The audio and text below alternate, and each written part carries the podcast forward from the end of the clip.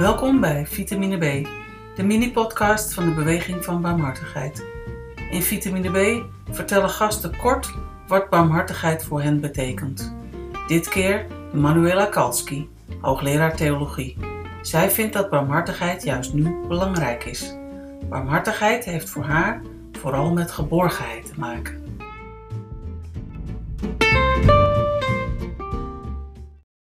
Het woord barmhartigheid roept bij mij eigenlijk het gevoel van uh, geborgenheid en van veilig zijn op. Ik ben uh, in Duitsland geboren en getogen en uh, in een Lutherse traditie, dus protestants. En, en daar doe je dan uh, beleidenis, dat heet in Duitsland dan confirmation. En toen gaf de dominee mee, mij uh, de laatste regels van Psalm 23 mee op mijn weg door het leven, zeg maar. En dat, uh, dat gaat als volgt in het Duits. Dat heet Gutes und Barmherzigkeit werden mir folgen ein Leben lang und ich werde bleiben im Hause des Herrn immer da. En ik heb gemerkt dat door de tijd heen deze spreuk voor mij heel erg belangrijk was. Om mij eigenlijk zelf geborgen te kunnen voelen en het gevoel te hebben, het gaat om het goede leven. Het gaat om het goede leven voor allen en het gaat om dat te bereiken, juist daarom om barmhartig te zijn.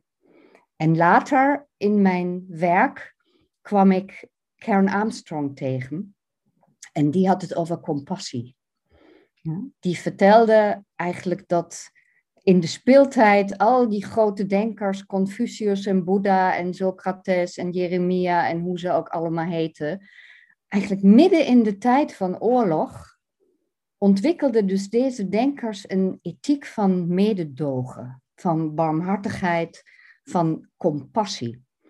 En zij maakte zich toen namelijk zorgen over het agressieve gedrag van mannen en ontdekte het belang van liefdadigheid en van goedheid en het ideaal van zorg voor allen. En, en zo legde zij eigenlijk volgens Armstrong de fundamenten waarop ook het rabbijnse jodendom en het christendom en de islam weer op voort konden bouwen. En ik denk dat wij eigenlijk nu in de publieke ruimte juist weer die compassie nodig hebben. Als ik om me heen kijk met alle rellen die er op dit moment zijn, met het gebrek aan vertrouwen, met het gebrek aan het gevoel van zich thuis voelen.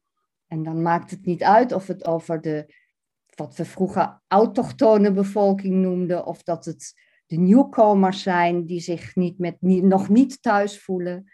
dan denk ik, eigenlijk hebben wij nu compassie barmhartigheid ontzettend nodig om weer een, gericht te zijn op het goede leven voor allen en om een ommekeer tot stand te brengen.